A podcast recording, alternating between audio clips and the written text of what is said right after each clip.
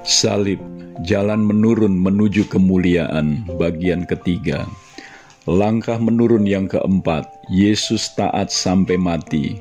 Ketaatannya sempurna sampai kepada batas akhirnya, yakni sampai mati.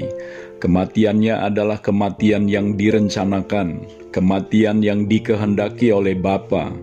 Menurut dunia, ini adalah sebuah kebodohan Bahkan bagi orang percaya yang duniawi pun, hal ini sesuatu yang sukar, bahkan tidak dapat dipahami. Di dalam 1 Korintus 2 ayat 14 dikatakan, Tetapi manusia duniawi tidak menerima apa yang berasal dari roh Allah, karena hal itu baginya adalah suatu kebodohan, dan ia tidak dapat memahaminya, sebab hal itu hanya dapat dinilai secara rohani.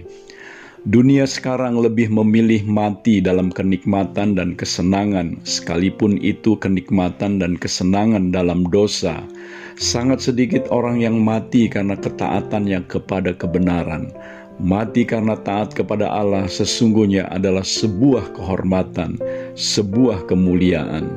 Kristus dalam kematiannya menggenapkan kebenaran bahwa hari kematian lebih baik daripada hari kelahiran kematiannya dalam kehendak Allah bagi keselamatan dan kehidupan banyak orang. Langkah menurun yang kelima, ia bukan hanya taat sampai mati, tetapi sampai mati di kayu salib. Mati di kayu salib sangat ditekankan di sini, sebab kayu salib di Golgota adalah tempat yang paling hina, bahkan terkutuk. Siapakah di antara kita pernah memimpikan cara mati yang nyaman? Misalnya ketika sedang berdoa atau menyembah Tuhan atau dalam keadaan tertidur tanpa pernah menderita sakit apa pun. Jika orang percaya mati dalam keadaan demikian, sepertinya sangat terhormat di mata orang lain dan kedengaran sebagai kematian yang sangat menyenangkan. Sesungguhnya tidak ada orang yang memilih mati dengan cara yang paling nista di tempat yang paling hina tetapi Kristus telah menetapkan pilihannya untuk membiarkan diri mati dengan cara yang paling hina dan ditempatkan dalam kumpulan orang yang paling tidak diingini lagi di dalam masyarakat. Di kayu salib, ia mati di antara para penjahat yang dihukum mati seperti dirinya.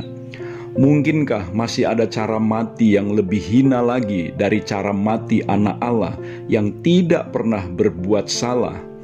Mungkinkah ada proses turun yang begitu dalam yang pernah dialami oleh manusia yang sudah jatuh dalam dosa, seperti Kristus yang justru sama sekali tidak pernah berbuat dosa?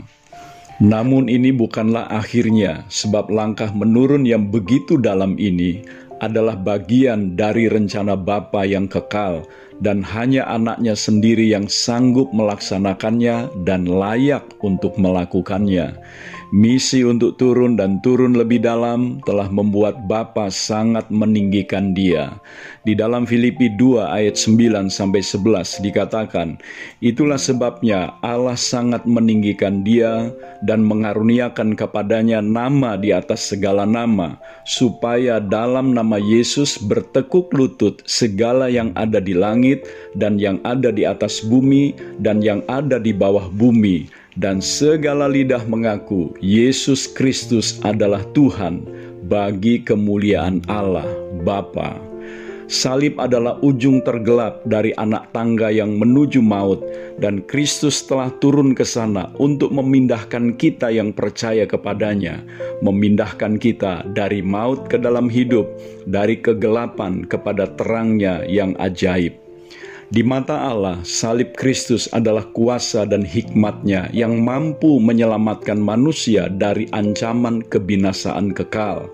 Salib Kristus dengan tetesan darah anak domba Allah adalah korban persembahan yang berbau harum di hadapan Bapa. Maukah kita meneladani Dia, memikul salib kita sendiri sebagai konsekuensi dari ketaatan kita kepada Dia? Memikul salib kita sendiri bisa merupakan jalan menurun bagi kita, yakni jalan untuk merendahkan diri dengan kemuliaan menanti di ujungnya.